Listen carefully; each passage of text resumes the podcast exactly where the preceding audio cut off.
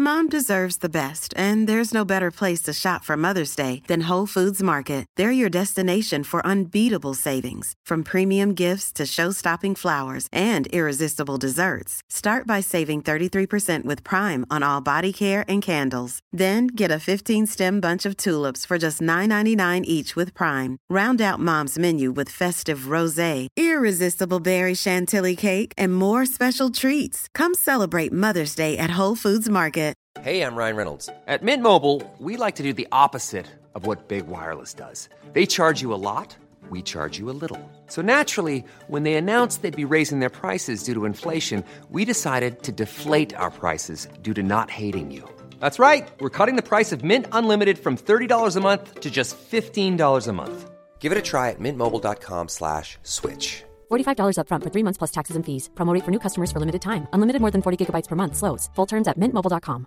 Hi, I'm Daniel, founder of Pretty Litter. Did you know cats tend to hide symptoms of sickness and pain? I learned this the hard way after losing my cat, Gingy. So I created Pretty Litter, a health monitoring litter that helps detect early signs of illness by changing colors, saving you money and potentially your cat's life. Pretty Litter is veterinarian developed, and it's the easiest way to keep tabs on your fur baby's health right at home. Go to prettylitter.com and use code ACAST for 20% off your first order and a free cat toy. Terms and conditions apply. See site for details. There's never been a faster or easier way to start your weight loss journey than with PlushCare.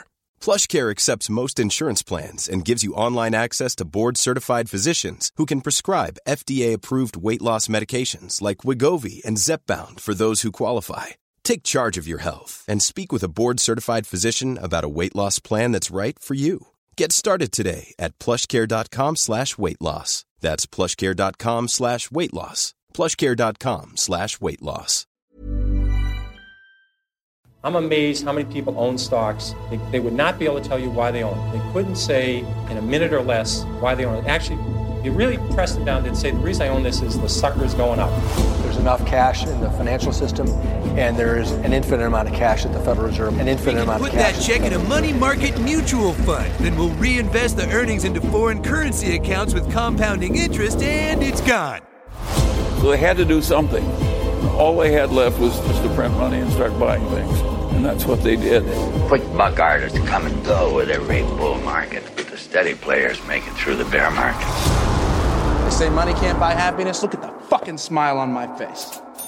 Hej och välkommen till ett nytt avsnitt av Market Makers. Och du Fabian, det blir ett speciellt avsnitt idag, lite intervju. Ja, vi har ju med oss självaste Anders Ulve, känd, känd från Finanstwitter. Precis, eh, och det är lustigt, Anders är ju faktiskt, har ett digert och långt eh, aktieintresse, men är kanske mest känd på Twitter, fast det är på Finanstwitter, så är mest känd för sin lunchrestaurang som han har drivit, eller det är väl café och lunchrestaurang och så vidare och så vidare. Han får berätta mer om det själv. Eh, men vi bjöd in honom för att se lite hur hans aktieportfölj ser ut och jag vet ju också att han har sålt den restaurangen och ja, men lite haft FIRE-liv och det är lite, lite nyfiken på också det, hur det har gått till och, och ja, hur det har blivit så att han kan leva på sin aktieportfölj. Det är ju få förunnat ändå.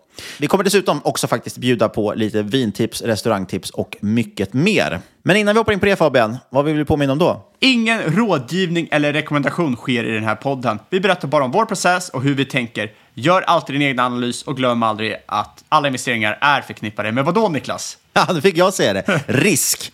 Och apropå vin så ska vi ha vi också ett litet meddelande från veckans sponsor.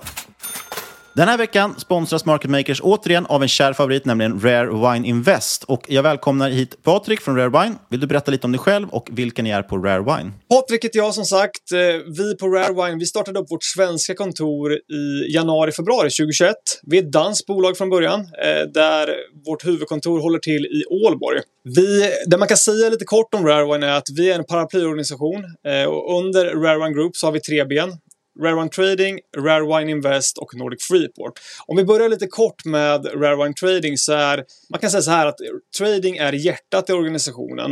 Eh, det är trading som köper in allt vin. Det är även de som säljer allt vin när våra investerare eventuellt vill avyttra sin portfölj. Vi säljer faktiskt en hel del vin via trading till privatpersoner runt om i hela världen. Så att om du exempelvis letar efter ett vin som du inte kan hitta på Systembolaget så kan du vända dig till oss och beställa hem det. Det ska sägas att trading är fortfarande vår största del i bolaget och omsätter mest pengar. Så att, eh, vi har, och det har vi också hållit på med längst. Jag kan säga att 2006 startade vi upp tradingbenet eh, och säljer egentligen till alla världens hörn. Ja, och sen har har ni ju lagringen där i Nordic Freeport och eh, såklart investeringsdelen. Hur funkar den här investeringsdelen och vad har man för fördelar till exempel via att ni har just Nordic Freeport som er lagringsdel? Ja, och man kan fortsätta där med Invest. Så, eh, om vi börjar, börjar med Investdelen så kan man säga att vi, vi på Invest är väl generellt lite tråkigare än gemene man. Vinfantast. Vi, vi tittar betydligt mer på vilka viner som är intressanta att investera i kontra vilket vin du ska dricka till eventuellt en entrecôte du ska äta ikväll. Um, Just vi på Invest, vi sitter 20 anställda. Eh, I Sverige sitter vi tre stycken. Eh, och investeringsdelen är väl generellt sett så att vi har växt väldigt mycket sista åren. Man, man tittar mycket på att, eller jag tror stor anledning till varför vi har växt är börssituationen. Eh, som vi vet så sista, sista månaderna framförallt har det väl gått lite halvtrögt på börsen.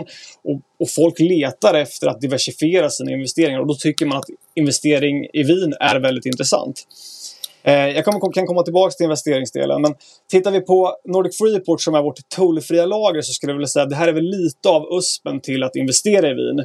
Du investerar i vin momsfritt och generellt tullfritt. Så, vilket innebär att du betalar varken moms eller övriga punktskatter på de vinerna som du investerar i. Vilket är väldigt intressant när du faktiskt ska investera i en fysisk produkt, att du slipper de här övriga kostnaderna. Så att Nordic Freeport ligger två mil utanför Ålborg eh, där vi har vårt stora lager och vi har idag en kapacitet för omkring 3,5 miljoner flaskor. Så där ligger alla våra investerares viner men också viner som vi säljer till, för, till konsumenter. Eh, som jag var inne på där, att om man letar efter ett vin som man inte kan hitta i Sverige så kan man beställa det direkt, direkt från oss. Och där kan jag rekommendera att man söker på Market Makers Rare Wine. Då kommer man hitta vårt bonusavsnitt där jag faktiskt är nere och hälsar på er och tittar på lagret, besöker er vindetektiv och så vidare. Just det. Eh, ger väldigt mycket för att få en liten känsla för hur det funkar om man vill djupdyka i det. Eh, men jag tänkte att vi hoppar rakt in på istället vin som investering. Jag är jättenyfiken. Vin har ju gått superbra. Jag vet att min portfölj på Rare Wine Invest har gått superbra och även de andra jag pratar med som har investerat via er. Men hur ser det ut idag? Nu har vi ändå hög inflation. Vi har sett att vissa lyxvaror som klockor och, och sådär har gått ner i pris. Eh, hur står sig vin och vad tror ni om vin framåt? Vad finns det för intressanta faktorer med vin som investering? Det man kan titta på som vin är generellt att vi klassar vin som en lågriskinvestering eh, och den är väldigt krisresistent i sämre tider. Vi, vi, brukar vara lite försiktiga att jämföra med just aktiemarknaden men om, om man tittar tittar lite grann på finanskrisen 28-29 där så sjönk vinets värde lite grann. Men redan efter ett år hade det återhämtat sig och, och, två år efter krisen så var det till och med högre än innan finanskrisen. Vilket säger att den är väldigt krisresistent. Och det, det man kan titta på som investering är att om man tar exempelvis guld eller aktier eller nu kan vara där det går, alltså just guld som en alternativ investering där det inte försvinner. Guldet kommer alltid finnas kvar. Tittar man på vin så finns det en ständig konsumtion. Så det försvinner flaskor hela tiden. Dessutom blir vinet bättre ju längre det får ligga vilket gör att värdeökningen kommer även där. För man vill alltid dricka ett vin som är eh, moget om man får uttrycka sig så. Och just, just den delen med att flaskorna konsumeras i en väldigt snabb takt gör också att vinets värde ökar. Eh, och sen har vi även klimataspekten i det här. att eh, Vi har ett klimathot eh, vilket gör att skördarna blir förstörda. Eh, tittar man exempelvis eh, på Bourgogne som vi jobbar väldigt mycket med eh, så skörden 2021 landade ungefär på 27 procent. Eh, vilket är en total katastrof för Bourgogne. Eh, men vilket kommer göra att ska man få tag på bra bourgognevin från yngre årgångar så kommer man behöva titta på 2020, 2019, 2018 för att ens kunna få tag på, på bourgognevin. Um, så därför är det väldigt spännande i en investeringssynpunkt att titta på vin. För att jag tror att om tio år kommer det vara väldigt svårt att producera vin på det här sättet man gör idag.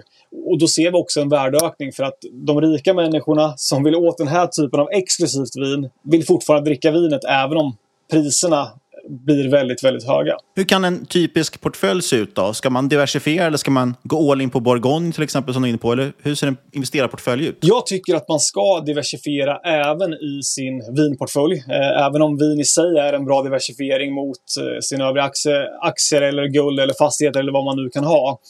Men jag tycker definitivt att man ska diversifiera även i en, i en vinportfölj. Vi har ett startkapital på 100 000 svenska kronor för att komma igång med en portfölj. Eh, och för 100 000 så tycker jag att man kan få en ganska fin diversifiering. Då kan jag komma in på att vi jobbar med sex regioner nästintill uteslutande. Och det är Bordeaux, Bourgogne, Champagne, Piemonte, Toscana, Napa Valley. That's it. Eh, och jag tycker att för en portfölj för runt 100 000 så tycker jag absolut att man ska gå, man ska ligga tungt i Bourgogne och Champagne eh, och sen eh, även, eller diversifiera lite grann med något vin från Italien. Så tycker jag man får en jättefin portfölj.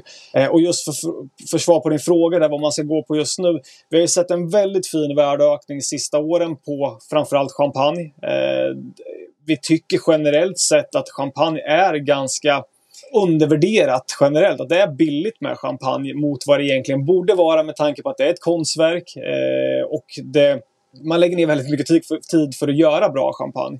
Och konsumtionstakten är väldigt, väldigt hög på champagne. Det öppnas flaskor varje dag, hela tiden, året om. Eh, så att även om man gör väldigt mycket champagne så försvinner flaskorna i en väldigt snabb takt. Så champagne tycker jag definitivt att man ska ha en ganska stor del av i sin portfölj. Tittar vi på Bourgogne så har vi, om man jämför med champagne, en betydligt mindre produktion. Man gör betydligt mycket färre flaskor av, i, i Bourgogne kontra champagne. Men där kanske vi går på mer exklusiva flaskor. Att man kanske har en lite mindre del Bourgogne, eh, lite större del champagne, men just i Bourgogne så kanske man kan ta 6-12 flaskor av ett väldigt exklusivt vin. Med tanke på att den typen av producenter kanske bara producerar 5, 6, 7, 800 flaskor per årgång. Vilket gör att om 10 år kommer du vara väldigt unik på marknaden om du sitter med 6-12 flaskor av det här vinet.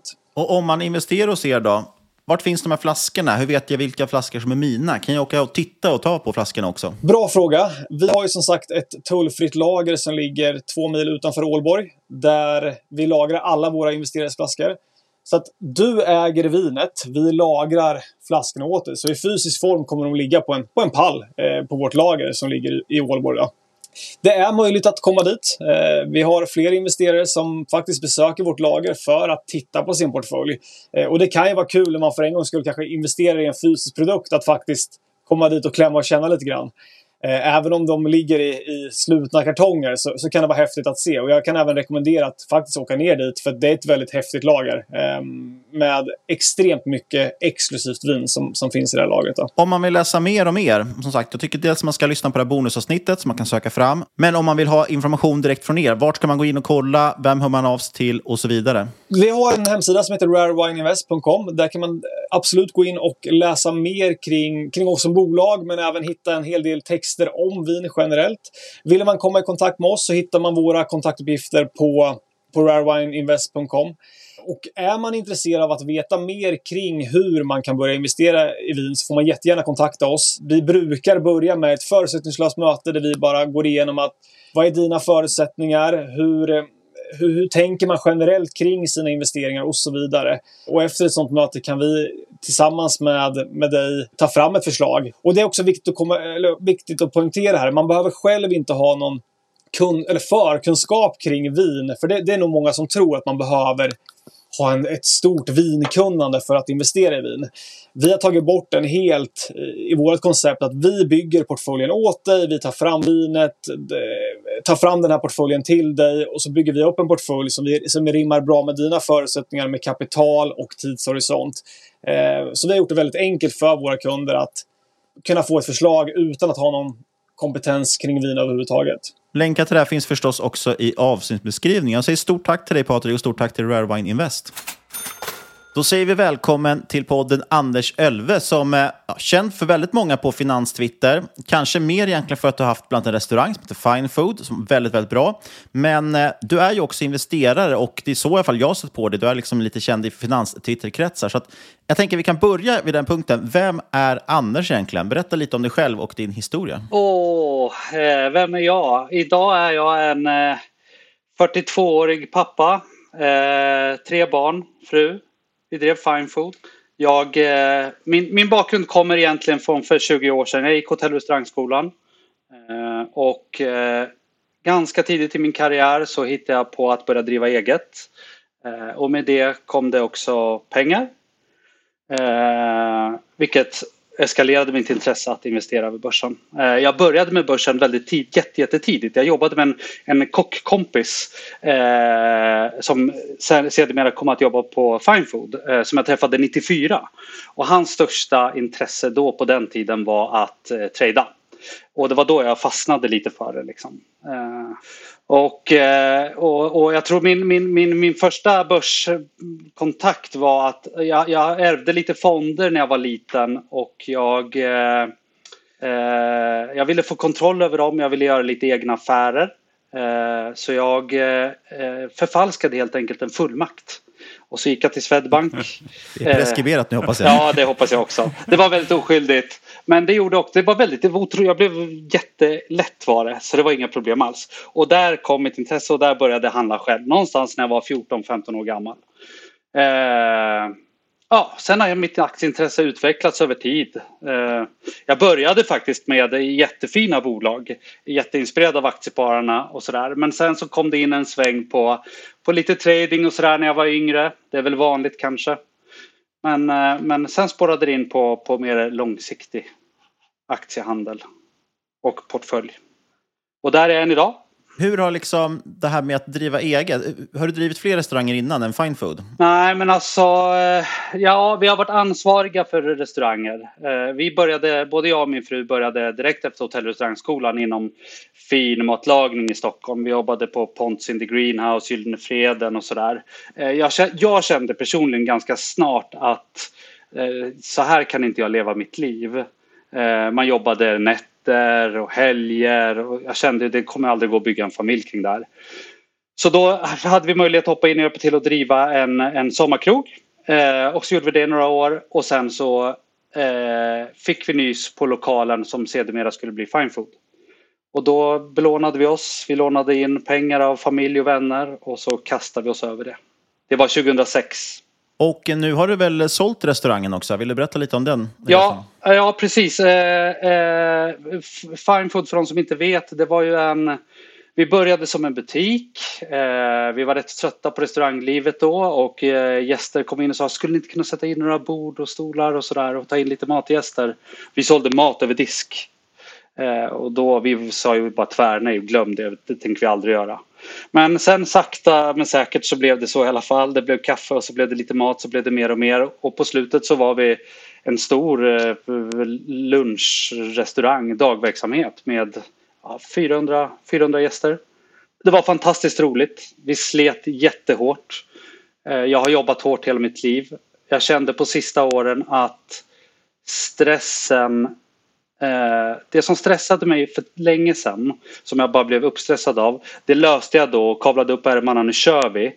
Men på slutet de sista åren kände jag att stressen blev eh, obekväm. Jag mådde dåligt av den. Och sen kom det en dag i vår, det har varit tunga år i restaurang-Sverige med corona och allt sådär. Så att det kom en dag i vår när jag sa till Petra, min fru, att jag pallar inte längre. Vi måste kliva av.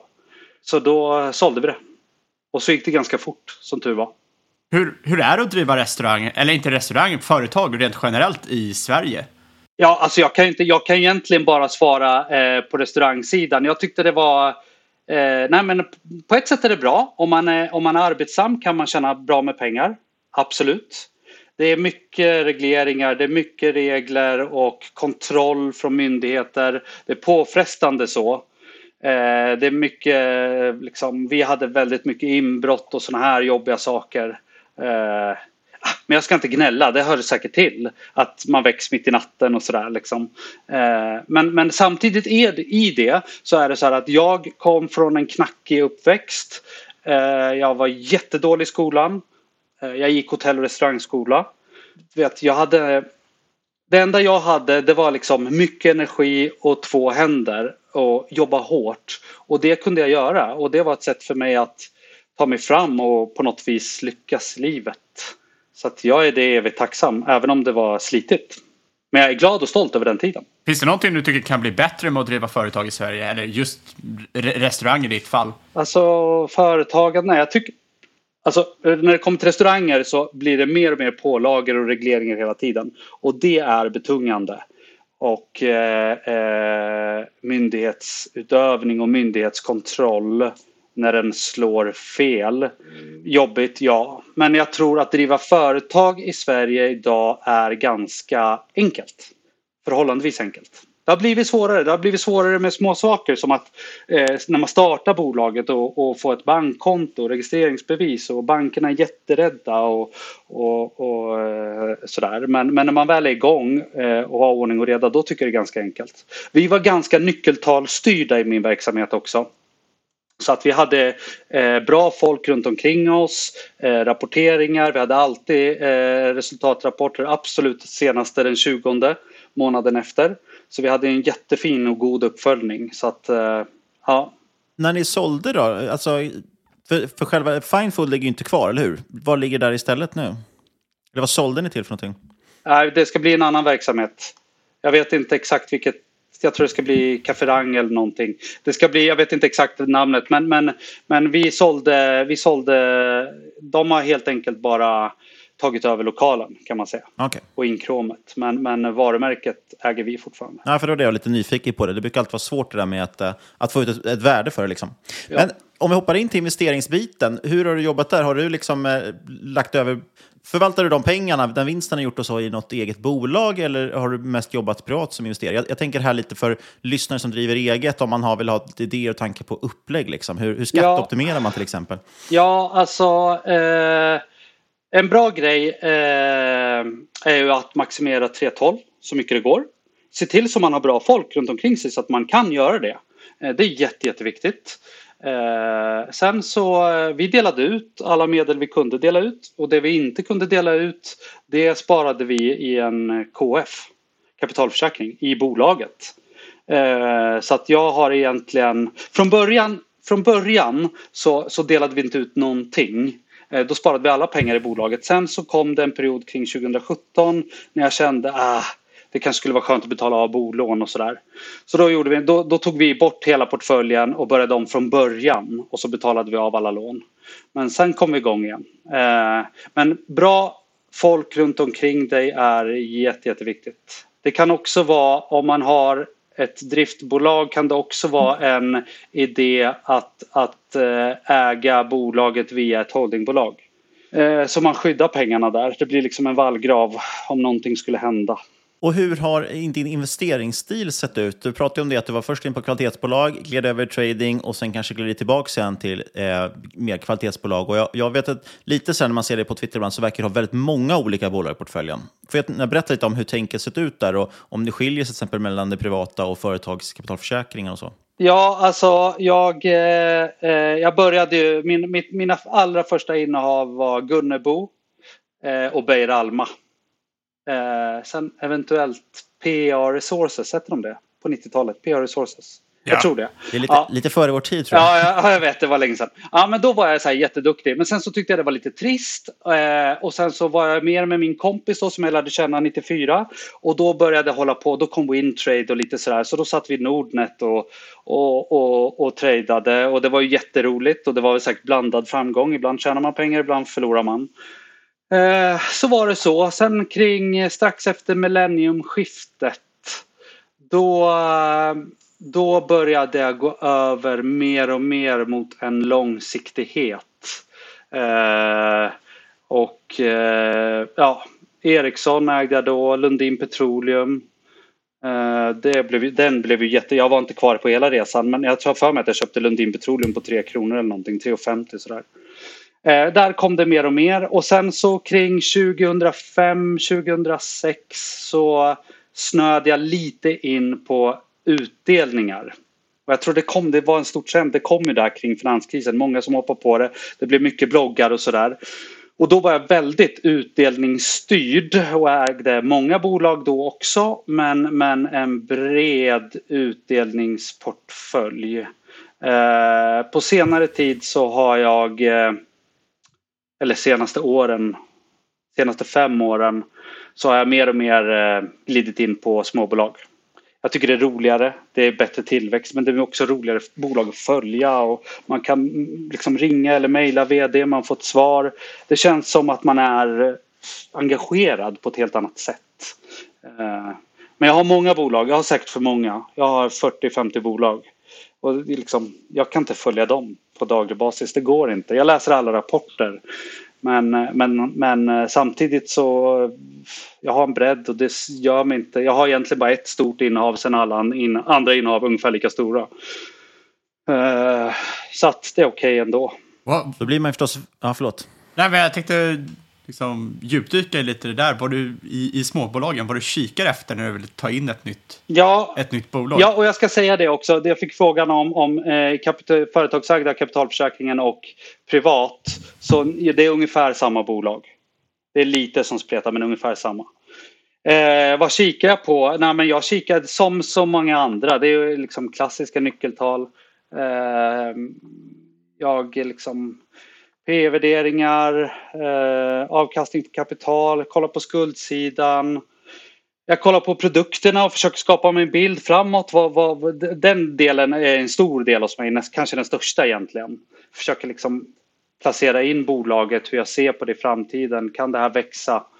Och sen företrädesvis små bolag, under, helst under en miljard i, i börsvärde. Eh, ja, och sen ser jag mig att äga dem länge och låta dem bli stora. Det är målet. Sen har jag många bolag och det gör också att jag allokerar lite i portföljen ibland. Eh, det har jag ganska, jag tycker det är ganska, det är ett ganska lätt sätt tycker jag ibland eh, eh, att göra en liten, liten överavkastning. Men jag försöker hålla kvar vid de långsiktiga innehaven. Är det någon särskild sektor du kikar på eller är det allt möjligt? Nej, det är nog brett skulle jag säga. Nej, brett, jättebrett. Jag tänkte bara stanna upp vid det här du sa med att allokera om i portföljen. Berätta gärna hur, hur du tänker där. Nej, men det kan vara till exempel att man, eh, till exempel som eh, när, eh, när förra julen, när priserna drog iväg väldigt mycket. Då blev det, hade jag många bolag som blev så här helt galet dyra. Eh, vilket räddade mig lite. Eh, Softronic, Ferronordic, eh, bolag som handlades på helt andra multiplar bara över några veckor. Och då tvekar jag inte att ta hem lite eh, vinster och säkra hem. Har du något tips där på, alltså när man bevakar 40-50 bolag, jag förstår att det inte går att sätta, följa dem i detalj, men du håller ju ändå koll uppenbarligen som sagt på att någonting kanske har rusat iväg nu plocka hem vinst. Har du något tips där, en verktyg eller, eller bara allmänna knep? Hur håller du koll på så många bolag samtidigt? Ja, men jag, Eller är det bara, är det bara många timmar? Nej, men alltså jag, jag ska säga det, jag är ju inloggad varje dag. Eh, absolut. Eh, kanske ett par gånger om dagen till och med. Eh, jag har ju eh, lite mejltjänster. Eh, ibland, jag är ju en privatperson, jag, jag hinner inte sitta och göra djupa analyser. Eh, då kan jag använda, liksom, jag använder Affärsvärlden som jag tycker är jättefina analyser. Som ett analysstöd ibland. Ja, sen är det bara att följa med. Jag tycker både Nordnet och Avanza är ganska bra när man går in på portföljen. Man, man ser, man hänger med i nyhetsflödet.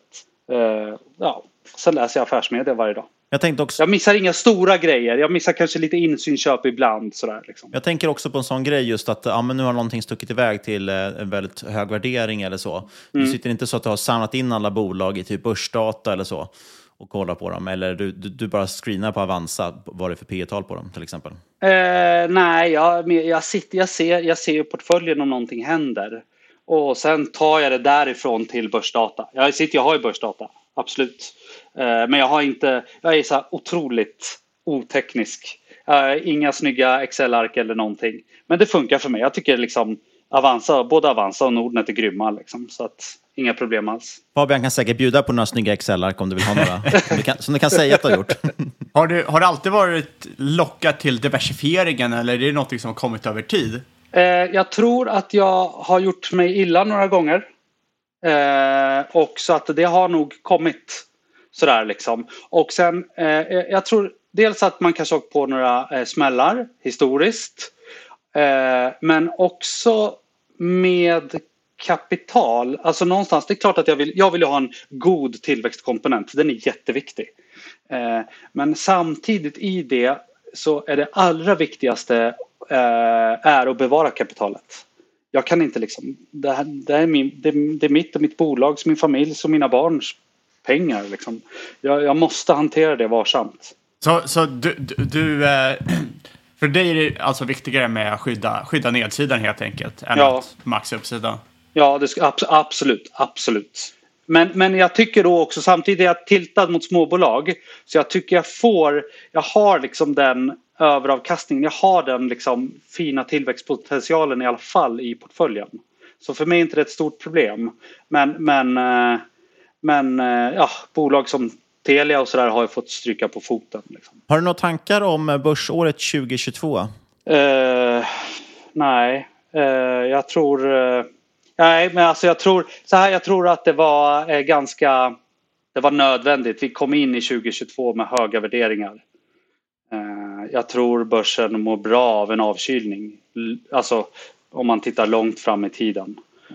Det tar bort svaga händer och man har kunnat köpa aktier billigt. Nej, jag gillar det. Jag, jag tycker börsen är roligare när den går ner och det är lägre värderingar. Jag tycker det är skoj. För då är plötsligt kan man börja räkna på bolagen igen. Ja, det är fullständigt rimligt att tycka det.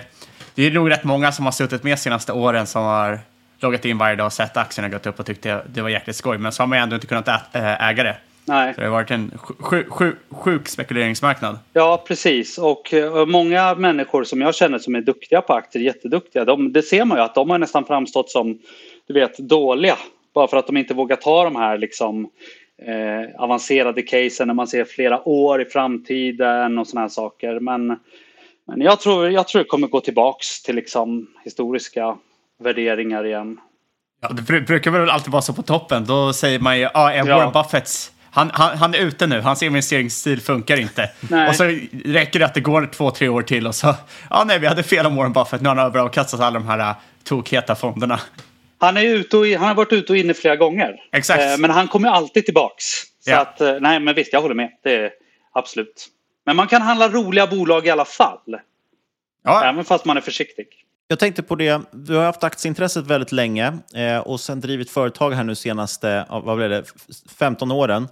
Eh, hur har ditt liksom, entreprenörskap påverkat aktiedelen? Alltså har det förändrat din syn på när du själv har suttit med faktiskt bok, eller kanske inte gjort bokföring själv, men du förstår vad jag menar. Man har sett årsredovisningar, behövt tänka på marginaler och löner och så vidare.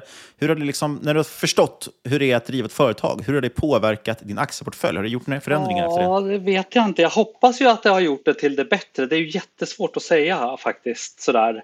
Eh, Det är klart att man är bättre att läsa en, en, en resultatbalans. Men, men, men eh, jag vet inte sådär. Ibland kan jag Ibland kanske jag kan om, om det bolag är problem och så kan jag liksom kolla på vissa saker och känna att det här borde man kunna få tillbaks rätt fort. Det här är kortsiktigt.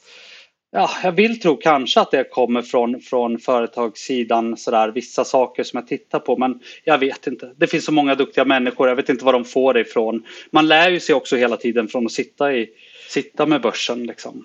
Ja. Ja, för jag kan, kan själv tycka just att det är många som ibland inte riktigt förstår hur svårt det är kanske att driva ett bolag. Så det kan ju vara enkelt också ibland, men, men att de ibland tror att det är väldigt enkelt till exempel att göra en turnaround. Eller man förstår inte att om, om det är en usel kultur på ett bolag, då kommer också antagligen bolaget gå ganska uselt och sådär. Ja. Eh, Så det finns ändå en, en bra grund tror jag att, att förstå ändå hur det är att driva ett företag. Ja. Jo, För det är ändå företag man investerar i och det är ganska många som glömmer. absolut, absolut. Det är människor. Eh, så är det ju. Visst, jag håller med. Vi ska kolla på några innehav. Nu vet jag att du har extremt många, så vi ska inte gå igenom alla 50, för då har vi att göra hela natten. Ja. Men jag blir framförallt väldigt nyfiken på, eftersom du sa att det är ett som är väldigt stort och sen resten lika viktade. Ja, ja mitt största bolag är Avencia. Eh, Ja, just det, IT-konsulten. Ja, precis. Eller de håller på framförallt med e-handel, vad kan man väl säga, e-handelskonsult. Och Just bygger en egen plattform. Just det. Eh, där, det var väl också att, att det är en position vi har byggt upp på senare år. Eh, framförallt här efter, efter eh, Robin kom tillbaka som VD. Då, då, då drog vi på ordentligt. Ja, nej men det är så här. Jag, jag känner och har träffat Robin flera gånger. Bra bolag, bra ägare, intressant sektor. Jag tror, de kan liksom, jag tror det kan vara ett jättestort bolag om, om 10-15 år om de får växa på. Eh, Och också när vi gick in i det, det kändes bra att, att, att nu äger vi inte Finefoot längre. Det känns bra att äga en, en stor post i ett bolag och känna sig som en, som en verklig delägare sådär. Det tycker jag känns jättebra. Det är en skön känsla. Jag hanterar inte det innehavet alls som andra innehav. Det, det äger vi bara liksom över tid. Köper mer ibland. Vill du beskriva lite dels bakgrunden vad de gör? Nu var jag inne på det och jag vet, för vi hade med i podden avsnitt 71 drog jag fram här, det är över tre år sedan alltså. Mm. Eh, aktien är ungefär flat sedan dess. Eh, vill, vill När, du när var det, när var det sa du? När För var- tre år sedan. Ja, precis. Alltså det, eh, den var ju iväg som bara den, eller liksom i förra, förra Ja, det, det, är, det är farligt att säga att den är flat, för det, då ser det ut som att det är en död linje. Liksom. Och Så Ja. har det verkligen inte varit. Det är upp och ner som vanligt på börsen. Ja, min känsla är att man bygger bolag i fallet Avencia i alla fall. Eh, och man gör rätt saker. Sen är det ett litet bolag och då blir det en bumpy road. Liksom. Alla extra poster, allting, allting kostar ju jättemycket och slår hårt liksom, på en gång. Ja, men alltså det, ja, det, det, det är en jätteintressant nisch. Jag tror, idag är det ju ett klassiskt konsultföretag. Ja, man kanske kan tänka sig att att man skulle kunna automatisera delar av det, möjligtvis, jag vet inte. Eh, Man skulle kunna tänka sig tilläggsprodukter. Eh, man skulle kunna tänka sig att licensförsäljningen kan öka över tid. Och att man fortsätter bara växa organiskt på, på sina marknader man är på men även på nya marknader. Eh, Men jag har inga åsikter alls om hur bolaget drivs. Vi är helt nöjda med det. Det är, det är jättebra. Vi är, vi är nöjda. Du, du nämnde ju där att Avenza var ett bolag, eller liksom de bygger bolag. Eh, vad vill du se i ett sånt här typ av bolag? Eh, hur menar du då? Vad, vad jag vill se att de gör? Exakt, Ja, men- vad, vad, vad, vad de gör för att du ska tycka att det här är intressant jämfört med kanske resten av allting på, på marknaden. Nej, men att man tar långsiktiga beslut. Som, det har man ju verkligen gjort nu. Eh, och investerat eh, eh, under vår och sommar och under hösten i, i kontorslokaler och hemmakontor. Och, eh, ja, man, man, man växer lagom och man äventyrar inte bolaget. Eh, ja, man, man tar, man, de har också vågat fortsätta anställa i många svåra tider. Eh, tar alla de besluten som man är därefter alltid, eftersom man är det här klassiska konsultföretaget, eh, kan växa på. Så att, Ja, det är intressant det där. Det svåra tycker jag alltid varit med Vänster. Det känns som att det inte... Ja, det, det åker upp och ner förstås med aktiekursen. Men de har ändå växt. Kollar man de senaste tio åren så har de snittat 20% per år i omsättning. Mm. Eh, så det, det, borde, det, ja, det är mycket styr på att det är ett bra bolag. Liksom. Men jag tycker aldrig riktigt har lossnat. Eh, och så är vinsten väldigt skakig. ja, exakt. Eh, man måste, eh, man måste, jag tycker absolut man måste få ordning på vinstmarginalen lite eh, och få den jämnare. Och får man det så kommer man få en annan värdering. Det tror jag absolut. Eh, men sen har det varit lite speciella tider. Och, och även för Avencia med vd-byte och, och tiderna som har varit. Så att man får vara lite, man får vara lite eh, ursäktande för det tycker jag. Spännande. Några andra bolag Mm. som du har plockat in i portföljen? Antingen om det är några riktiga långkörare som du gillar eller några du plockat in kanske ganska nyligen som inte. Eh, ja, nej, men alltså. Jag har, har jag några nya eh, bolag i portföljen? Eh, papp, papp, papp, papp. Ja, eh, Arjo, Solid Försäkring, ganska nya bolag. Eh, Elekta, ganska nytt bolag. Bredband2 köpte jag i somras, ganska nytt. Jag äger både Bahnhof och Bredband2. Vad är det som lockar med de typen av bolag för dig? Alltså, ja, för mig är det eh, just det här när vi kommer tillbaks till eh, eh, att bevara kapitalet. Eh, det är ganska, det, det är någonstans ett mini-telekombolag Eh, som har trygga återkommande intäkter men en tillväxtkomponent. Eh, de kan växa mycket, mycket snabbare än övriga marknaden. Det är en win-win. Liksom. Jag, får, jag, får, jag får alla grejer från dem faktiskt. Jag skulle, skulle, jag, skulle jag vara tvungen att bara ha liksom tre bolag så skulle de två säkert vara med. I alla fall Bahnhof. Sen har jag köpt Kindred, G5, Betsson. Också så här bolag man gillar. Jag, jag gillar att köpa bolag som faller lite, som har lite problem. Eh, Dustin är inne och handlar i. Eh, ja, det... Och Bull. Sorgebarnet Bull. Ja, just det. Mm. Vad tänker du där då? Ja, men jag gillar affärsmodellen så satans mycket. Den är ju trevlig. Eh, man säljer instrument och sen så säljer man liksom komponenter till det. Det är ju fantastiskt. Sen vet jag inte, det har ju varit liksom väldigt slarvigt hanterat från bolaget liksom och nu kom nyemission och sådär. Men jag tror kan man få ordning på det så, så är det ett väldigt fint bolag. Vad skulle du säga är ett liksom typiskt bolag för dig? Vilka är de där tre som du skulle ta med dig som sa Bahnhof, Avencia och... Eh, ha Bahnhof, Avencia och eh, Kabe kanske. Med, med, med tanke på att du har varit inne så mycket i liksom, restaurang och matsvängen och även butikssvängen. Ja. Eh, du, du har inte inriktat någon del av portföljen dit. Avenza är väl i sig på till, till viss del kanske lite mot retail-hållet så att säga. Men... Ja, men vad finns det då egentligen? Core äger jag. Eh, jag tycker de, de har väl lite, de opererar ju eh, en del restauranger. Men sen så vad finns det mer egentligen? Annars det finns ju mycket liksom mat, eller snarare kanske mer mot kosttillskott. Jag tänker typ Midsona eh, och det finns även de här som är ganska nya eh, som jag måste ta fram namnet på. Midsona gillar jag inte kan jag säga. Nej, varför inte? Eh, jag, jag, jag, men jag tittade på dem tidigt sådär när de började vara, ha, liksom, köpa in märken och jag gillade eh, Friggs och sådär. Eh, men sen så tyckte jag eh, i början när vi drev Fine Food så sålde vi också vissa varumärken. Och så köpte de ett par av dem som vi kände igen och jag kände bara fan det här är liksom överprissatta krossade tomater liksom. Som jag, eh, du vet. Och sen så, om jag, nu har inte jag följt de senaste åren men, men för ett par år sedan var det så att de finansierade alltid förvärven genom eh, nyemissioner. Jag vet inte hur det är idag. Men så att nej, de har jag inte tyckt om. De jag tänkte på heter Humble Group. Det är en ganska ny notering, det är väl ett eller två år sedan. Och de har väl framförallt det jag känner till från dem, det är ju mycket riktat till proteinprodukter. Alltså de har dels sådana aminodrycker liknande Nocco, de har ju protein eh, Nutella, protein jordnötssmör, eh, sockerfritt godis. De kallas ett foodtech-bolag, tycker jag är lite intressant. Ja, eh, det är rätt intressant. Jag tycker också det är intressant. Men, men eh, jag har inte tittat, när, någon gång har jag tittat lite på dem. Jag har för mig att det var dyrt då eller någonting. Men eh, jag vet inte om det är särskilt hur, hur eh, om det är skakigt uppbyggt eller ja, jag, har lite, jag har dålig koll faktiskt. Jag ska inte ut, nu kommer folk bli arga på mig. Jag ska inte säga någonting. det är det vi försöker locka fram. Ja, vi, vi, vill höra att, att något, något bolag som inte gillar. Men man kan säga så här, de har inte intresserat mig tillräckligt för att köpa i alla fall. Uh, och en annan sak som jag glömde säga är att jag har bara svenska bolag i portföljen. Så att det utesluter ju många fina matbolag. Hur, hur, hur kommer det sig att du bara svenska bolag? Därför jag tycker det är lättare att följa. Alltså följa, inte, det, ja, man kan följa eh, amerikanska, finska, danska bolag hur lätt som helst med nyckeltal. Men just det här dagliga eh, nyhetsflödet tappar i alla fall jag. Eh, jag känner jag har inte tid att läsa hur många tidningar. Det blir kanske man läser Dagens Industri.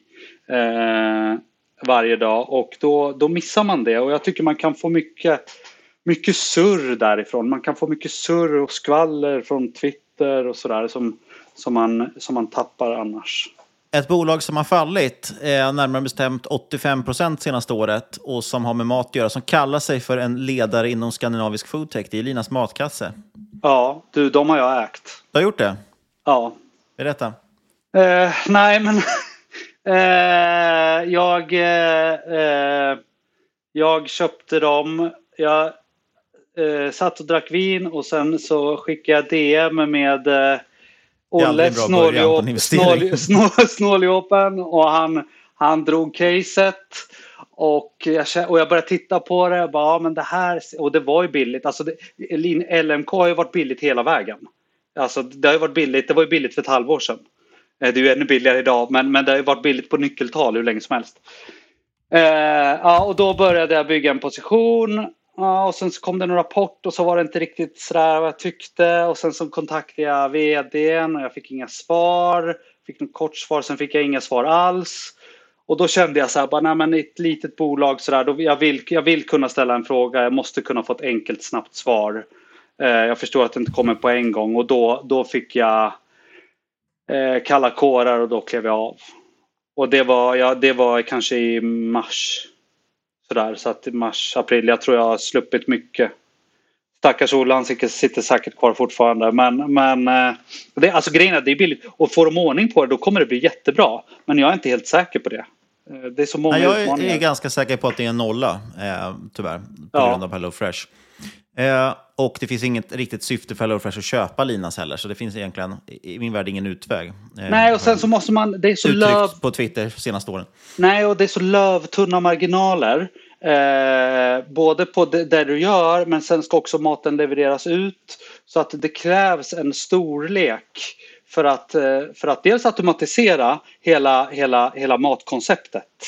Men också att få ut det till en bra peng. Så att jag tror Ja, jag, känner, jag har pratat med folk som har eh, eh, kör Linas matkassa och HelloFresh. Eh, så att, och, och, jag blir förvånad med svaren att många, många kör ju de här matkassarna och har gjort det länge. Så att jag, jag förstår ju att efterfrågan finns. Sen kan man vara där, kan man tjäna pengar? Ja, jag vet inte liksom. Ja, men jag tror man kan. Jag också har också kört både Linas, HelloFresh och några andra i säkert tio år av måste vi haft matkassen nu. Eh, så att det har, känns som man har provat det där länge. Men, men eh, jag tycker att det är stor skillnad. Vi gjorde ju något avsnitt om HelloFresh till och med. Det är en stor, stor skillnad i apparaten och det är ju som du säger, det, det är storleken, för de är ju globala. Ja. Eh, du kan ju tillverka allting själv i princip. S saker de säger att de behöver mycket av, då börjar de ju tillverka det själv. Då köper man upp gårdar liksom, för att ha egen tillgång på kyckling till exempel. Och, så. Ja. Eh, och då går det att bygga på ett annat sätt. Och så hur man skriver kontrakt. Linas stora problem har alltid varit att de behöver köpa in. Eh, de har blivit lite bättre, men förut var det alltid så att skulle det vara gräddfil i, i en rätt och det ska vara en och en halv deciliter och förpackningen var tre deciliter, då var de tvungna att hitta en och en halv deciliter till. Att det måste användas i något annat recept, liksom klämma in Just det. det. Medan Ja. HelloFresh gör ju en exakt portionspåse, då, då tillverkar de en egen påse. Liksom. Ja, och eh, precis. Och det tror jag. Och grejen är så här, jag tror att, att hela tjänsten, det var det, det var det som taggade mig lite med, med LMK. Att man snabbt skulle bredda ut eh, erbjudandet. Eh, Eh, för att jag, jag har faktiskt själv, Fine Food för länge sedan, vi drog igång ett, ett matlådekoncept, ett matlådeabonnemang där vi körde ut färdiglagad mat. Man köpte eh, Fine Food to go hette det och man körde ut fem lådor åt gången. Alltså varje abonnemang var fem lådor och så körde vi ut det på måndagar. Och eh, sen hade inte jag, alltså det gick, vi körde bara lokalt i Hammarby sjöstad och på Södermalm. Och det var ganska populärt. Men vi, det här var, det här var liksom lite före sin tid. Det var 12 år sedan. Och eh, vi hade så mycket att göra vid den tidpunkten på Finefood så vi, vi, jag la ner det bara för att överleva.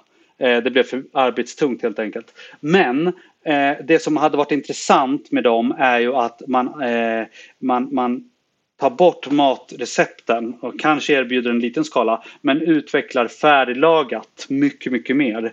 Eh, och det kan ju vara liksom att man, eh, det kan vara allt från matlådor till att du får en påse med 600 gram eh, eh, kalops eller köttgryta eller köttfärssås eller någonting och ha, gör ett bibliotek av färdiglagad mat. Det tror jag skulle bli liksom, kunna bli hur stort som helst. Men, jag. men jag tycker inte... Där vet jag att HelloFresh, de köpte ju bland annat ett bolag i USA som jobbar med just det där, som jobbar med premiummatlådor de skickar hem, färdiglagad mat. Ja. Eh, men jag slänger ut några bolag här inom den här branschen. Jag var tvungen att screena fram lite här och se om du har några tankar här. Eh, så får du se vilka du vill svara på. Axfood, Cloetta, eh, Scandi Standard och Viva Wine. Eh, ja, men Axfood har jag inte. Cloetta äger jag. Axfood kändes annars som något du skulle kunna ha i portföljen. Ja, fast det är för stort. De växer för långsamt. Det är trist. Men, men det kanske hade varit bra nu när det har varit lite skakigt. Men Cloetta har jag. Eh, jag var jättenära att sälja här i samband med deras eh, fabriksinvestering. Eh, det är också ett bolag som, ett jättefint bolag med ett jättefint erbjudande. Det skulle kunna vara en sån fin investering tror jag om, om man hade skött det rätt. Men man har inte gjort det. Man har allokerat kapital jättekonstigt i bolaget. Eh, extrautdelningar och liksom nu det här. Ah, Det är bara jättekonstigt att de inte, liksom, att de inte har förvärvat lite och, eller mer. Och, och, ja, nej, och jag har inte gett upp hoppet än om Cloetta. Var, Men- var, men- Varför skulle du vilja se förvärv i Cloetta? Nej men därför att de har ju hela, de har ju hela eh, distributionskedjan. Eh, det är väldigt enkelt att, att eh, sälja in nya varumärken. De skulle också kunna köpa upp liksom, eh, eh, liksom ja, som, som ett humble group men, men eh, liksom, ja, mer, mer åt det hållet. Alltså de, de måste ha tillväxt, tillväxt, tillväxt, tillväxt. Och det har varit så jäkla dåligt på den sidan. Eh, och sen det här med att kasta ut en extrautdelning liksom och sen bara några år senare stå inför liksom en jätteinvestering. Det är ju jättekonstigt. Eh, ja, och sen ett litet bolag som Cloetta som har haft tillväxtsvårigheter när de är så överkapitaliserade. Jag förstår inte då varför de inte börjar återköpa aktier. Eh, Cloetta hade jättefina möjligheter att göra en, liksom, en mini Swedish match och eh, trigga EPS-tillväxt lite granna. Och det hade de mått bra av idag.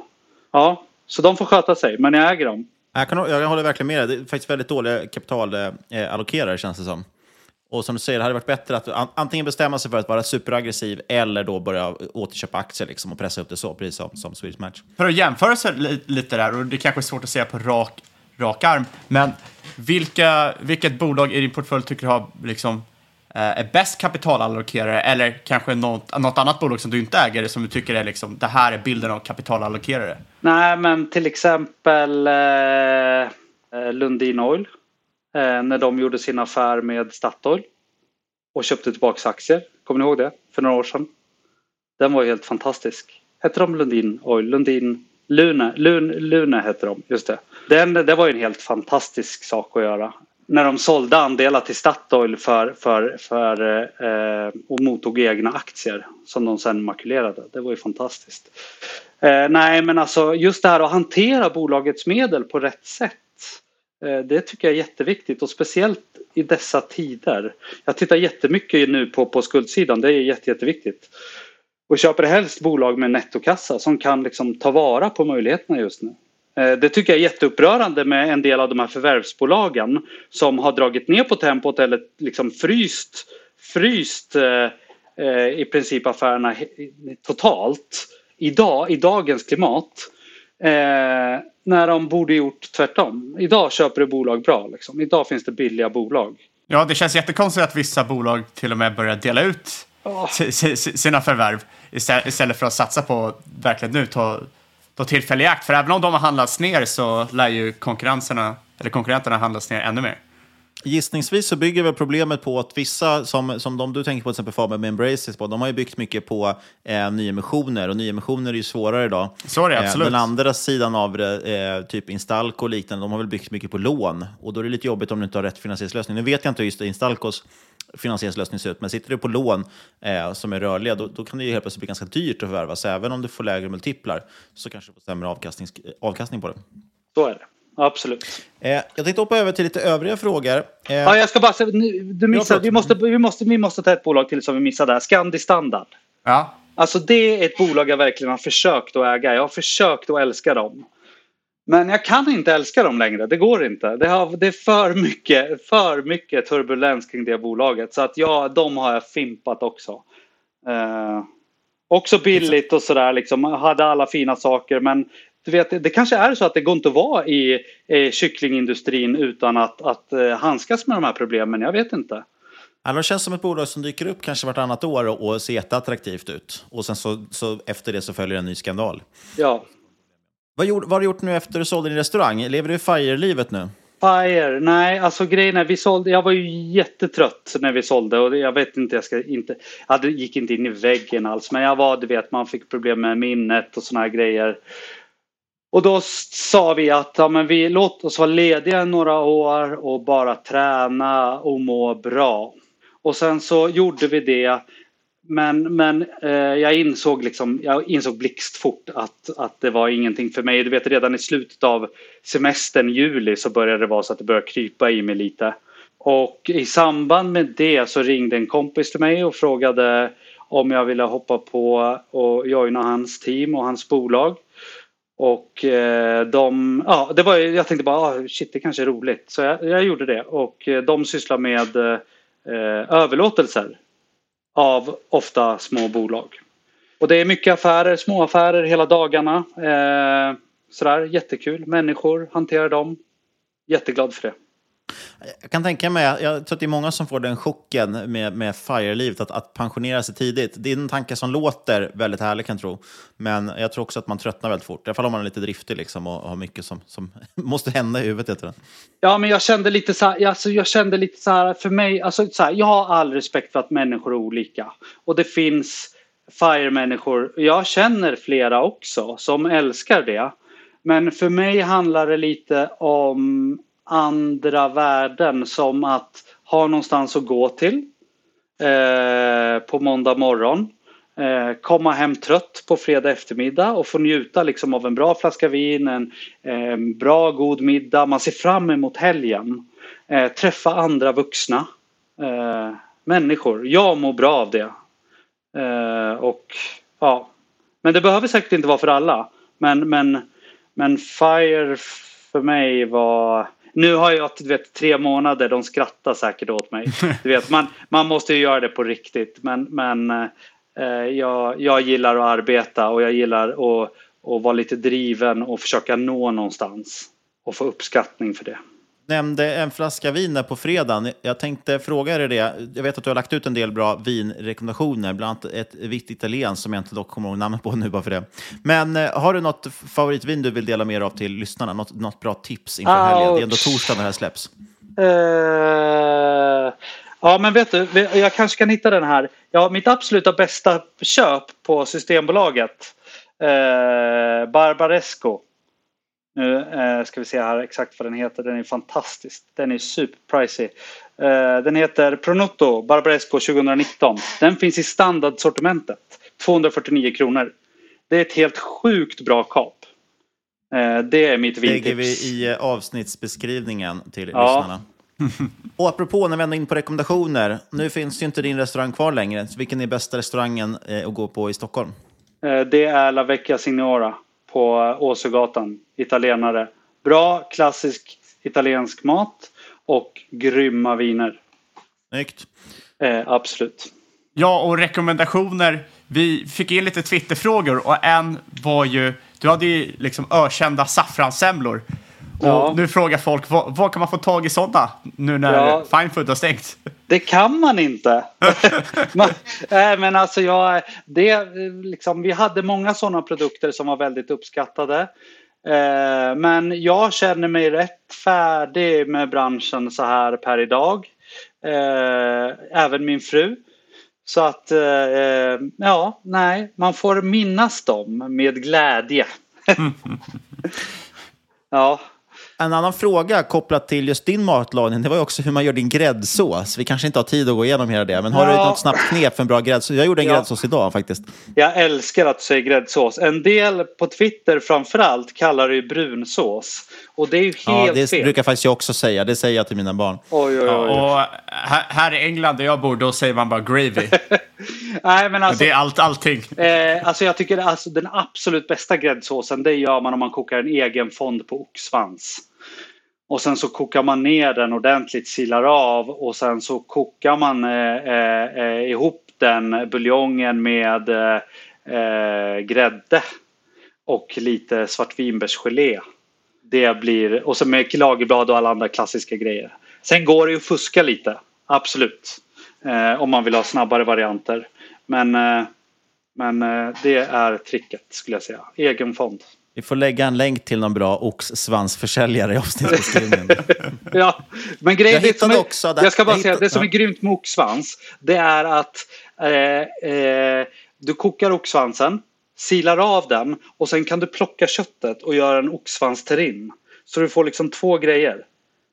Det är ju värde, eller hur? Ja, Det är det är, sant. verkligen. Ja. Det är som jag, jag är inte så bra på just oxe, men, men kyckling köper vi ofta hel och då kan man ju koka kycklingfond också på skrovet sen. Ja, Eh, jag hittade, apropå länkar, jag hittade det här vita vinet som jag pratade om. Jag kommer lägga det i avsnittsbeskrivningen också. Montelapio Fiano di Avellino heter det. just det. Det? Några vargar på framsidan. för mig. Just det. Ja, men det är jättetrevligt. Slutlig Twitterfråga som eh, såklart alltid dyker upp. Hur mycket bänkar du? Eh, jag bänkar... Hur mycket jag har bänkat? Eh, 148,5. Det är bara det som är fint. viktigt. Ja, alla lever på gamla meriter. Exakt. Ja, men det var inte jättelänge sedan. Jag har en skitrolig historia kring det. Eh, jag körde, eh, all, tränade alltid med en tränare på Sats i Hammarby Sjöstad. Nära Fine Food. Eh, varje dag. Och sen så hade jag aldrig bänkat med honom. Men så gick vi och testade det. Och då tog jag så här 95 eller någonting. Jag kommer inte ihåg. Eh, och då sa eh, Sami, min tränare, bara det här, du kan, du kommer, du kan ta 150. Eh, och jag blev så bara exalterad så jag bara gick ner på jobbet. Jag sa du min tränare kan säga att jag kan ta 150 om tre månader. Eh, och de bara skrattade åt mig. Men så slog vi vad, jag kommer inte ihåg om vad.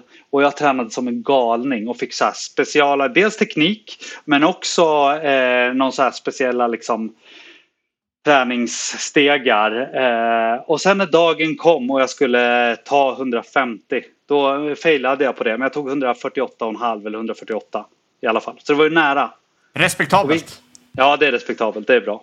Härligt. Fabian, då får du avsluta med vår klassiska fråga. Ja, och då, det här är en eh, klassisk fråga i den här podden och det är vad är din bästa respektive sämsta investering och vad har du lärt dig av dem? Eh, min bästa investering är eh, Lundin Petroleum. Och av den har jag lärt mig vikten av långsiktighet. Min sämsta investering är nog, eh, ja jag har jättemånga, men eh, min sämsta investering är nog H&M. Mm. Ja, och den har jag lärt mig av eh, kapa förlusterna. Ibland, eh, långsiktighet är inte allt. Nej, men alltså du vet, eh, sådär. Man gifter sig med vissa bolag som man kanske borde fimpa tidigare. Jag har inte gjort det, så får jag slicka såren. Ja, jag känner igen mig i den. Jag har också varit inne, in och ute i H&M i, Ja. i alla fall tidigt i karriären. No, no, no, några gånger fram och tillbaka. Och det slutade... Helt bedrövlig aktie. Ja. jag, jag förlorade jättemycket pengar i Ericsson också kring millennieskiftet. Det var ingen rolig aktie. Nej, men det är, det är nog inte ensam om i alla fall. Nej. Slutligen då, är det, kan man följa dig någonstans? Man kan följa mig typ endast på Twitter. Jag har lite Instagram och Facebook och sådär men, men det blir mest lite, det är lite tråkigt. Det är på Twitter mest. Lägger vi en länk till det i avsnittbeskrivningen också. Stort tack Anders för att du gästade oss idag. Tack själva, det var jätteroligt. Ja, då var vi tillbaka i studion igen och eh, ja, vi ska påminna som vanligt. Först stort, stort tack till Anders förstås, men så ska vi också påminna som vanligt om att inget av den här podcasten ska ses som rådgivning. Alla åsikter var inne, Elva gäst och eventuella sponsorer tar inget ansvar för det som sägs i podden. Tänk på att alla investeringar är förknippade med risk och sker under eget ansvar. Vi vill också rikta ett stort tack till Rare Wine som har sponsrat podden idag. Ja, glid in på rarewineinvest.se. Eh, länk finns förstås i avsnittsbeskrivningen. En superbra tjänst tycker jag. Kontakta oss gärna på podcast.marketmakers.se eller på Twitter och aktier. Där heter vi at marketmakerspod. Och du får också jättegärna lämna recension på iTunes. Nästa vecka Fabian, blir det specialavsnitt tror jag va? Ja, det blir specialavsnitt tillsammans med Aktiesnackpodden. Vår kära vän analytikern 1, 2, 3, 4 och matematikern. Bra namn. Båda har ju faktiskt gästat podden tidigare, så att vi ska ju köra lite rolig eh, pitch-off som vi kallar det. Så i stort sett, de kommer till vår podd, pitchar två case, vi går till deras podd och pitchar två case och sen om sex månader, tolv månader, vi har inte riktigt bestämt än, så kolla vem kommer bäst pitch. Precis, så att eh, den här veckan kommer jag spendera med att läsa igenom alla dina pitchar. Nej, skämt åsido. Vi vill sist men absolut inte minst rikta ett stort tack till dig som har lyssnat, kära lyssnare. Vi hörs igen om en vecka.